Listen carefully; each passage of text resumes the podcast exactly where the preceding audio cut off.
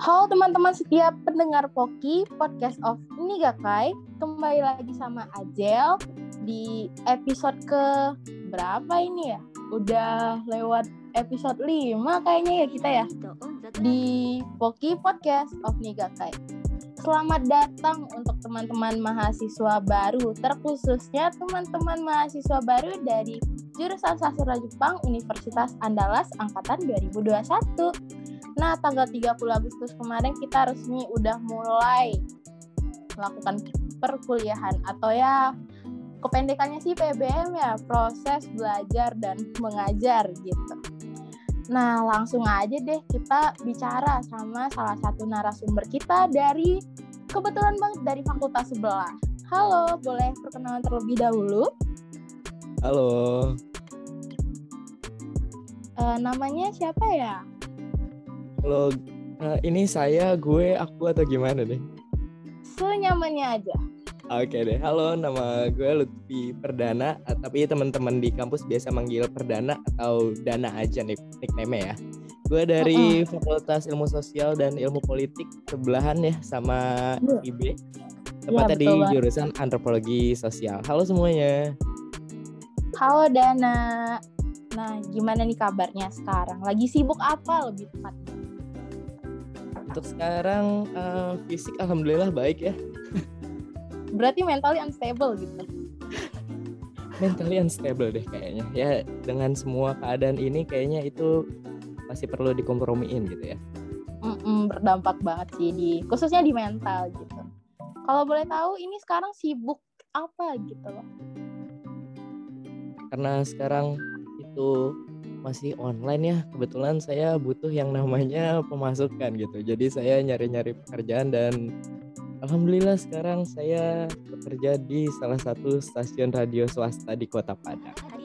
Widih, keren banget. Berarti untuk uh, podcast kita kali ini kayaknya bakalan asik nih teman-teman. Soalnya aduh, aduh. narasumber kita penyiar banget nih. Udah kayak apa ya? Oke, nah kan tadi aku bahas. Ngomong-ngomong kita udah mau mulai kuliah nih, berarti ya hektik lah ya masa-masa hektik ini kembali dimulai kalau boleh tahu Dana udah ngurus KRS gak? KRS baru aja ngurus kemarin nih kebetulan dan itu cukup hektik sih ya untuk per KRS-an ini mm -mm.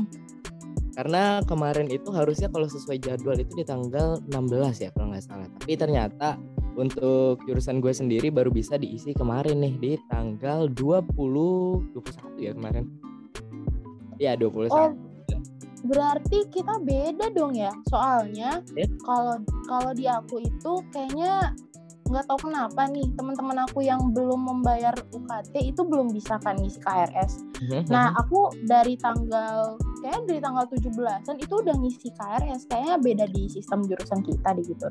Oh iya benar. Kayaknya sih emang balik lagi ke jurusan dan fakultas masing-masing sih ya. Mm-mm. Nah, flashback dikit nih dulu pas Dana ngisi KRS pas jadi maba itu gimana sih ceritanya? semester satu berarti ya kalau maba waduh mm -mm. lama banget. Ayo ayo ayo kita ingat lagi kita refresh. Sebenarnya nggak lama ya kita kita kayak gue pribadi gue masih ngerasa gue maba gitu karena baru menginjakkan kampus itu kayak satu satu setengah semester ya nggak sih? Terus habis itu nggak pernah ke kampus lagi jadi kayak masih berasa vibes maba gitu tapi kalau misalnya um, ngisi KRS waktu itu gue inget banget karena uh, gue di tahun pertama itu ditempatkan di asrama Unan ya. Di sana gue ketemu banyak banget teman dari berbagai macam fakultas dan jurusan ya. Jadi agak sedikit bingung gitu kok uh, di jurusan ini temen gue ngisi ngisi KRS-nya kayak gini kok si B ngisinya kayak gini beda-beda gitu. Ada yang hektik banget ngisinya berebutan kelas lalala segala macem. Ada yang jadwal bentrok ada yang ternyata kelasnya penuh dan segala macam tapi kendala yang gue alamin kayak teman-teman gue gitu. Dan ternyata setelah gue cari tahu di jurusan gue dan fakultas gue itu untuk uh, ngisi KRS itu enggak kayak uh, teman-teman gue yang tadi gue ceritain. Emang udah ada uh, paketnya gitu udah ada pakemnya gitu. Misalnya kayak semester satu nih lu misalnya uh, BP lu ganjil berarti itu lu tinggal pilih aja tuh kelas-kelas yang ada huruf A ya kelas misalnya lu BP lu genap lu pilih yang kelas B. Jadi kayak ya nggak ada deh tuh yang namanya berebutan berebutan kelas gitu kan. Karena di FISIP sendiri itu untuk setiap jurusan uh, cuman ada dua kelas sih. Jadi kita nggak ada berebutan berebutan kelas sama jadwal-jadwal yang bentrok itu untuk di semester semester awal nggak ada sih. Hmm, sama sih kalau di Saje sendiri untuk semester satu itu kita juga udah dipaketin gitu kan ya. Nah uh, awalnya juga ya sama sih hektik. Uh, harus milih ini nggak ya? Ini mau dinaikin ke matkul ini nggak ya? Padahal itu kita mentok SKS cuma 24 waktu itu kan pas jadi maba. Padahal dan juga itu udah dipaketin dan udah pas 24 SKS jadi kayak kita yang bingung gitu kan terus juga mau ngubungin dosen PA gimana nggak tahu kontaknya gitu kan. Masih ya masih baru lah ya gitu. Nah terus juga boleh tahu nggak sih Dana dulu pas osjur ospek jurusan itu gimana sih ceritanya kalau kalau zaman aku ya Allah kayak lama banget sumpah kalau di zaman aku dulu pas di Saje itu uh, mungkin karena pandemi juga osjurnya itu jadi berubah signifikan gitu loh. Awalnya kan kita ada namanya itu PMSJ. Nah, di PMSJ itu kita ngebikin drama kayak ya project-project bikin drama dan segala macamnya dan nanti kita bakalan kemah lah di satu tempat gitu ceritanya. Tapi mungkin karena pandemi ya kita terpaksa harus online gitu selama seminggu. Kalau Dana gimana nih dulu ceritanya pas osjur? Oh, berarti kalau misalnya teman-teman dari saja ini uh, waktu itu ospeknya pas lagi masa-masa pandemi ya? Iya, jadi kayak uh, ada sedikit problem kayaknya mm-hmm. dulu itu ya. Jadi uh, kita terpaksa diundur ke uh, pas pandemi gitu. Jadi ya secara online kalau gue sendiri nih dari FISIP sebenarnya di FISIP itu uh, untuk ospek jurusannya waktu itu alhamdulillah belum ada terkendala sama yang namanya pandemi. Karena waktu itu gue masih ngerasain uh, yang namanya ospek di langsung tuh di lapangan. Tapi untuk jurusan gue sendiri itu kalau dibilang cukup telat sih bisa jadi ya. Karena gue lihat kayak teman-teman dari jurusan lain teman-teman gue di asrama itu mereka udah ada yang mulai ospek duluan. Setelah uh, ospek fakultas selesai itu mereka langsung ada ospek jurusan gitu yang jangka waktunya tuh berapa lama gitu ya entah berapa lama. Nah uh, mereka kan ada tuh yang disuruh kayak um, pakai baju putih putih hitam terus pakai pita pakai nemtek dan lalala segala macem. Tapi uh, di jurusan gue nih kok nggak ada apa-apa kok gue nggak nggak ada disuruh-suruh kayak gini ya. Terus setiap kali selama masa ospek itu tuh di semester 1 setiap gue ketemu sama teman-teman yang sebenarnya satu angkatan nih angkatan 2019 tapi uh, setiap ketemu mereka papasan mereka selalu manggil gue abang gitu. Karena mereka ngeliat kayak wah gue bukan maba yang yang ada atribut-atribut gitu loh untuk aspek tapi uh, ternyata setelah beberapa minggu sebenarnya nggak berapa minggu sih bisa kayak satu atau dua bulan setelah ospek apa namanya ospek fakultas ternyata uh, ada ospek jurusan gue dan itu um, sekitar berapa lama ya? Kurang lebih 2 sampai 3 bulan waktu itu. Jadi kalau untuk di Antro sendiri itu namanya Poan. Kalau Poan ini dia selama um, 3 bulan itu kurang lebih di sana itu setiap sore kita ngumpul untuk um, menerima materi atau apa pun itu dari panitia-panitia uh, penyelenggaranya di belakang visip waktu itu. Di sana kita kayak dikasih tugas, terus ada uh, macam-macam juga sih, ada yang um, disuruh buat penampilan lala segala macam selama uh, kurang lebih tiga bulan kalau gue nggak salah ingat. Nah di sana sebenarnya selain buat ngakrapin diri sama teman-teman angkatan juga buat ngakrapin diri juga sama uh, eh, senior senior kita gitu kan. Nah setelah tiga bulan itu kayak tadi teman-teman saja kan juga ada kemah ya. Nah di Antro juga ada nih kemah namanya namanya sama sih sebenarnya itu pro poan juga. Nah kalau misalnya prosesinya tadi itu namanya prapoan gitu kan. Nah, untuk uh, kemahnya sendiri itu ya tiga hari dua malam dan ya cukup seru sih. Berarti jujur sebenarnya aku berada, berada di posisi yang sedikit iri nih soalnya kan dulu kan kita di saja ini kan udah persiapan drama yang kayak wih seru banget deh berasa kayak ada penampilan penampilan apa gitu kan ya tapi ya karena terkendala dari pandemi ini kita terpaksa menjadi sedikit menjadi lulusan online waduh semi offline eh semi online offline ya Iya, Hybrid. berasa ya 50-50 hybrid. oh iya. Nih, aku semalam ngecek nih di Twitternya Unan Fest. Ada yang nih. Oh iyalah. Ada yang nanya, gimana nih rasanya kuliah 24 SKS? Pernah ngerasain nggak kuliah 24 SKS? Hektik atau gimana? Kayaknya masih 24 SKS nih. Iya, Kayak sombong gitu ya. Gimana nih rasanya pas pertama kali kuliah 24 SKS? Eh jujur pertama kali kuliah 24 SKS tuh nggak berasa kuliah 24 SKS karena yang ada di pikiran gue adalah ya dulu gue sekolah juga dari jam 6 pagi sampai jam 5 sore terus apa bedanya gitu kan? Sedangkan kalau sekolah aja ada 8 mata mata pelajaran yang harus gue tempuh dalam sehari. Sedangkan kalau 24 SKS itu sehari aja belum tentu dapat dua atau tiga gitu kan. Cuman paling kayak seminggu ada yang tiga sedangkan ada beberapa hari juga yang satu gitu kan. Ya jadi kayak gue merasa 24 SKS sama sekolah kayaknya sama aja deh gitu kan.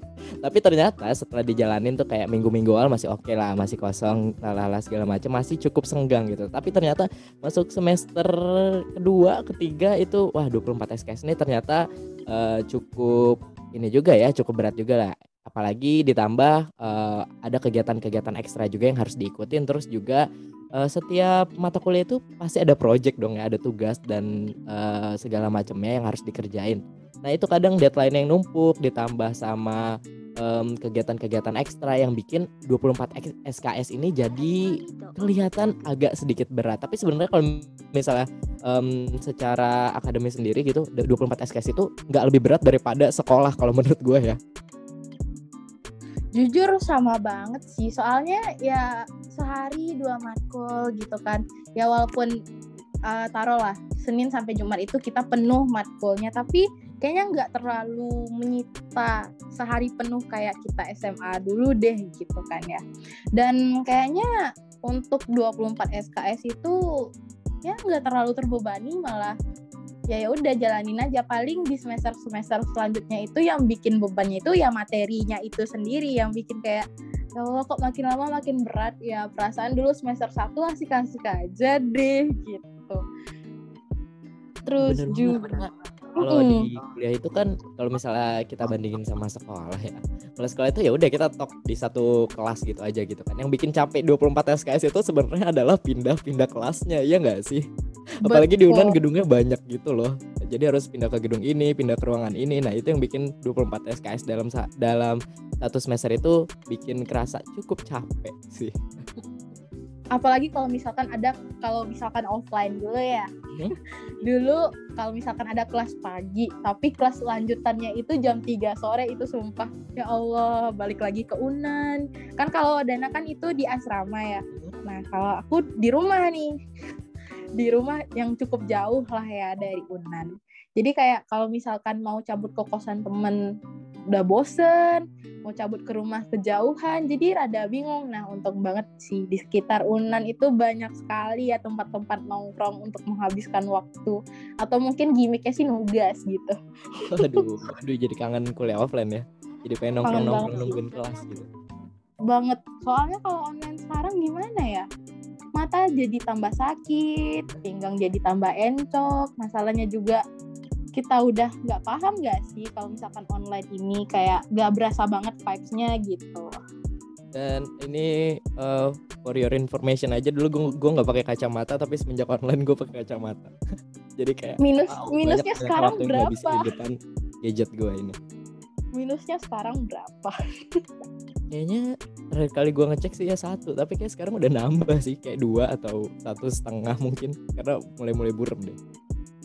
serius sama banget sih dulu kalau nggak nggak salah inget sih dulu sebelum aku kuliah online pas offline itu minus mata aku kan lima setengah emang udah gede dari kelas 2 SD gitu kan ya tapi sekarang terakhir aku ngecek udah jadi enam setengah gitu kan ya Wow. Allah semakin tebal lensa saya Emang online ini ngubah semuanya termasuk mata kita ya.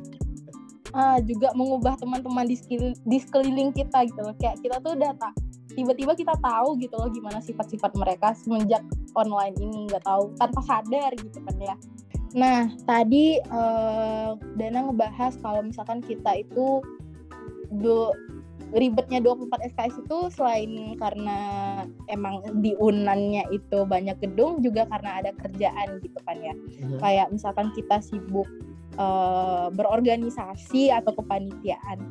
Nah, kan kalau kita mulai kuliah sebagai maba itu kan kita kayak berasa fresh kayak gue harus cari teman baru, harus cari relasi pokoknya gitu. Nah, dari Dana sendiri gimana nih tips untuk mencari teman semasa perkuliahan? Waduh, ini sebenarnya salah satu uh, yang bikin gue struggle juga sih untuk pertemanan. Karena uh, gue sendiri nggak berasal dari Sumatera dan nggak dari Sumatera Barat gitu ya. Jadi untuk nyari teman sendiri sebenarnya agak sedikit susah waktu itu.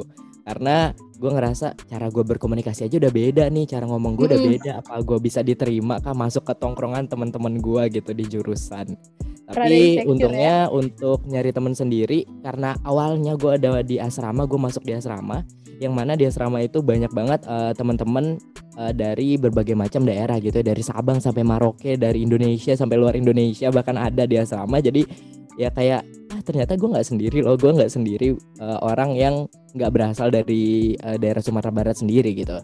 Terus gue juga nemu teman-teman dari um, himpunan mahasiswa daerah yang mana mereka asalnya sama dong sama gue jadi kayak untuk berbahasa untuk ngobrol itu lebih fleksibel dan lebih enak gitu jadi kalau tipsnya untuk teman-teman mahasiswa baru sih untuk berteman itu kalau misalnya lo dari luar daerah carilah um, himpunan mahasiswa daerah lu dulu pertama itu kuncinya kalau dari luar daerah.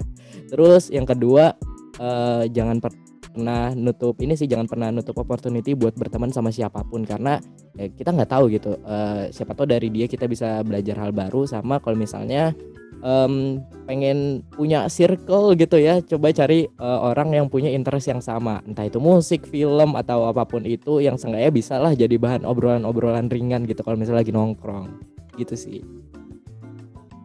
Berarti kalau misalkan di uh, kasusnya Dana berarti untuk pertemanan itu bisa dari mana aja dan bahkan itu lebih dari sebatas jurusan aja berarti kan ya. Jadi kayak temannya itu dari jurusan mana pun dan juga dari ruang lingkup mana pun. Ya nggak sih?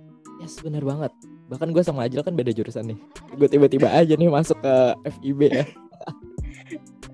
uh, menambah-nambah pengalaman lah ya. Bener banget karena uh, waktu di asrama nih kalau gue boleh cerita sedikit. Jadi teman-teman gue itu banyak dari Fakultas Pertanian.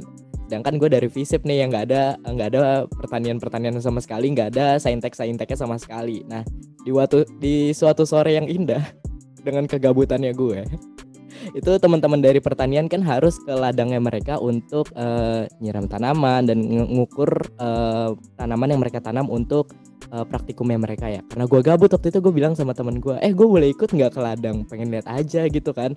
Terus ternyata oh iya boleh boleh boleh. Akhirnya gue ikut lah teman-teman dari pertanian itu buat ke ladangnya mereka waktu itu. Di kalau misalnya uh, tahu apa namanya arah ke rumah sakit Unan itu kita ke belok kanan ke bawah agak masuk sedikit. Nah di situ ada sungai terus ada um, kebun gitu itu seru banget sih. Sore-sore ngeliat uh, temen-temen itu pada ngukur-ngukur jagung nyiram-nyiram tanaman nyemprot-nyemprot tanaman terus tiba-tiba sore ada sunset kelihatannya itu keren banget sih. Jadi kayak punya teman banyak tuh kayak kita bisa ikut juga loh praktikum mereka. Juga nambah-nambah apa ya nambah-nambah pengalaman juga. Jadi kayak seru gitu berasa jalan-jalan apalagi pas gabut gitu kan ya. Kayak kita tuh kalau jadi lebih tahu gitu loh Unan itu gimana atau enggak sih? Jadi jujur aku nggak tahu loh di mana tempat anak pertanian ini berkebun jujur. Aku Bener banget gue juga baru tahu setelah diajak di belakang teknik sumpah. Hmm. aku pikir itu di belakang teknik. Ternyata di dekat RS Unan. Bolehlah kita nanti hunting di sana. Ya ampun hunting kapan-kapan boleh ya Nah, ada nih beberapa apa ya beberapa tweet ya ampun beberapa tweet Aduh, yang bilang seleb tweet yeah. kayaknya aja nih Aduh, bukan sih. Kita pendiam. uh, apa ya beberapa tweet yang bilang hmm, mendingan nanti kalau misalkan di kuliah itu mendingan masuk BEM, UKM atau UKMF ya untuk menyibukkan diri gitu. Kalau menurut Dana sendiri gimana nih? Kalau gitu sebenarnya ini tergantung preferensi dan perspektif masing-masing sih ya kalau menurut gue. Gue adalah tipe orang yang mungkin udah capek sama kegiatan-kegiatan organisasi gitu loh karena dulu di SMP dan SMA gue cukup banyak organisasi yang gue ikutin.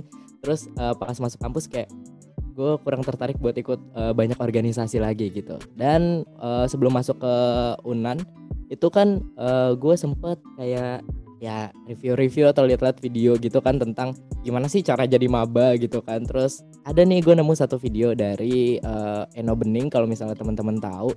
Dia bilang yang intinya ya lu kalau misalnya jadi maba tahun pertama lu lihat situasi dulu deh nggak usah ikut-ikut dulu banyak-banyak gitu ya. Terus gue terapin gitu di uh, perkuliahan gue jadi di tahun pertama gue emang bener-bener nggak ikut apa-apa gue cuma lihat aja oh organisasi ini ternyata latar belakang kayak gini organisasi ini latar belakang kayak gini. Nah di tahun kedua uh, jadi kita kan udah punya gambaran nih uh, yang cocok sama kita tuh yang mana sih gitu kan. Nah baru deh di tahun kedua gue uh, baru ikut-ikut organisasi gitu. Jadi sebenarnya baik lagi sih ke teman-teman semua untuk organisasi gitu kan. Tergantung teman-teman tuh kira kira-kira ngerasa cocoknya di mana sih jangan asal-asal masuk aja gitu. Oh kayaknya masuk ke sini keren deh. Kalau misalnya gue masuk sini kayaknya pamor gue naik deh rating gue naik gitu. Jangan kayak gitu sih lebih ke nyamannya aja nanti bakal gimana gitu. Sama tujuannya apa masuk organisasi itu gitu sih nah kalau di dana kan sudah capek berorganisasi. Nah, kalau aku tuh beda. Kalau aku juga udah capek sih dari SMP sampai SMA itu rebahan. Jadi uh, pas aku awal masuk kuliah itu berasa kayak kayak harus jadi pribadi yang lebih baru, suka bertanya. Jujur dulu aku pas SMA itu kayak betul-betul introvert, nggak juga introvert sih, tapi lebih kayak nggak mau ngomong deh gitu. Susah banget untuk ngomong. Nah pas masuk kuliah langsung kayak pokoknya harus berubah harus percaya diri atau intinya tuh self improving lah gitu kan ya. Nah terus juga uh, aku nyari nyari nih. Kayaknya uh, aku nggak cuma masuk hima deh kayaknya harus masuk UKM UKM lah gitu kan. Akhirnya nyari UKM dan alhamdulillahnya kan masuk Nah, tadi kalau disangkutin sama dana, nyari yang cocok kan ya. Gak cuma nyari yang cocok, kita tuh harus bisa time management gitu gak sih? Kayak ngatur waktu, bisa uh, gimana ya, bisa menim menimbang apa mem intinya tuh bisa uh, pas kita kuliah sama kita berorganisasi tuh harus imbang, harus balance gitu. Nah, dari sana dari masuk dari UKM itu dan juga gabung ke Hima, gak tahu kenapa kayak lama-lama time managementnya aku sendiri itu berasa lebih baik gitu loh, kayak kita bisa membagi waktu dengan baik karena emang ada orang yang butuh uh, lapangan gitu ya buat praktek gitu kan. Dan gak nggak sedikit sih orang-orang yang kayak ajal gitu teman-teman gue juga yang jadiin masa kuliah ini sebagai turning point gitu kan. Kayak oh dulu gue zaman sekolah nih kayak gini gue nggak mau kayak gini gue harus kayak gini. Harus lebih baik lagi. Sebenarnya itu ya bagus sih karena kayak yang tadi gue bilang balik lagi ke masing-masing individunya. Kalau misalnya lu merasa kapasitas lu mampu gitu untuk melakukan banyak hal dan banyak kegiatan ya silahkan. Tapi balik lagi tadi yang dibilang Ajel ya disesuaikan juga sama kemampuan lu waktu lu dan manajemennya juga sih gitu. Oke betul banget sih. Dan juga menurut gue jangan nutup diri lah pas kuliah gitu. Jangan terlalu kupu-kupu istilahnya. Jangan terlalu no life. Hmm, bener sama satu lagi jangan terlalu over proud juga. Iya betul juga sih. Karena itu termasuk social skills gak sih? Yes, nanti lu malah banyak jadi banyak masuk organisasi, terus lu over proud, malah lu nggak punya teman itu kan jadi sedih juga ya, jangan kayak gitu juga sih saran gue. Mm -mm. Nah, kita mau hampir berakhir nih. Ada tips gak buat teman-teman maba mahasiswa-mahasiswa baru kita ini? Apa ya? Hmm, kalau ngasih tips mungkin gue agak sedikit bingung kalau ditanya tips ya paling ya gue masih mengutip dan jadi pedoman gue adalah ketika lo baru di suatu tempat ya amatin aja dulu gitu situasinya gimana terus lo harus gimana bertingkah laku harus gimana um, menempatkan posisi gitu kan jangan langsung semuanya dihajar gitu. Nanti takutnya nggak uh, sesuai sama lu nya nggak sesuai sama ekspektasi lu malah jadinya lu kecewa atau gimana kan. Jadi ya dilihat-lihat dulu aja deh kalau misal udah yakin baru digas. Gitu sih. Kalau menurut gue kita harus inget three magic words gak sih? Kayak bener kita banget. harus ingat maaf terima kasih kan, sama tolong. Hmm, bener-bener karena di kuliah itu kan kita kadang satu angkatan tapi ada juga nih yang ternyata uh, lebih tua dari kita atau ada juga yang lebih muda dari kita. Ya sebenarnya that's okay gitu. Ya asalkan kita tahu sopan santun tata krama gitu three magical words itu emang benar-benar uh, berfungsi banget sih. Tolong maaf terima kasih. Oh gimana ya kalau ngeliat sekarang kayaknya banyak gak banyak sih. Ada beberapa orang yang kayak melupakan tiga kata yang bener-bener penting itu gitu loh dan nanti kalau di sekarang bakal dibilang ih baperan banget sih padahal itu biasa aja padahal ya itu emang penting bahkan di kehidupan sosial kita nanti kalau misalkan kita kerja atau mungkin berhubungan dengan orang banyak gitu loh nah kita yang pun pembicaraan ini sudah akan berakhir nih kalau boleh tahu ada closing statement nggak buat teman-teman kita mahasiswa baru Universitas Andalas? Statement ya. Apa ya?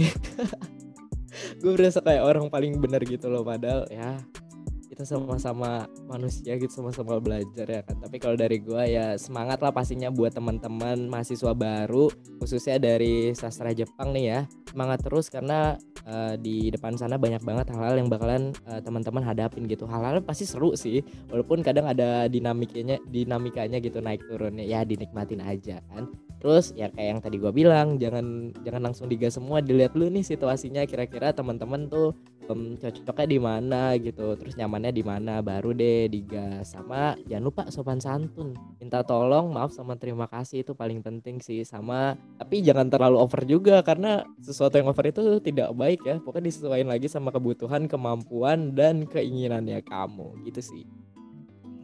Wah terima kasih banget ya nah itu closing statement yang kayaknya paling indah deh sejauh perjalanan Poki ini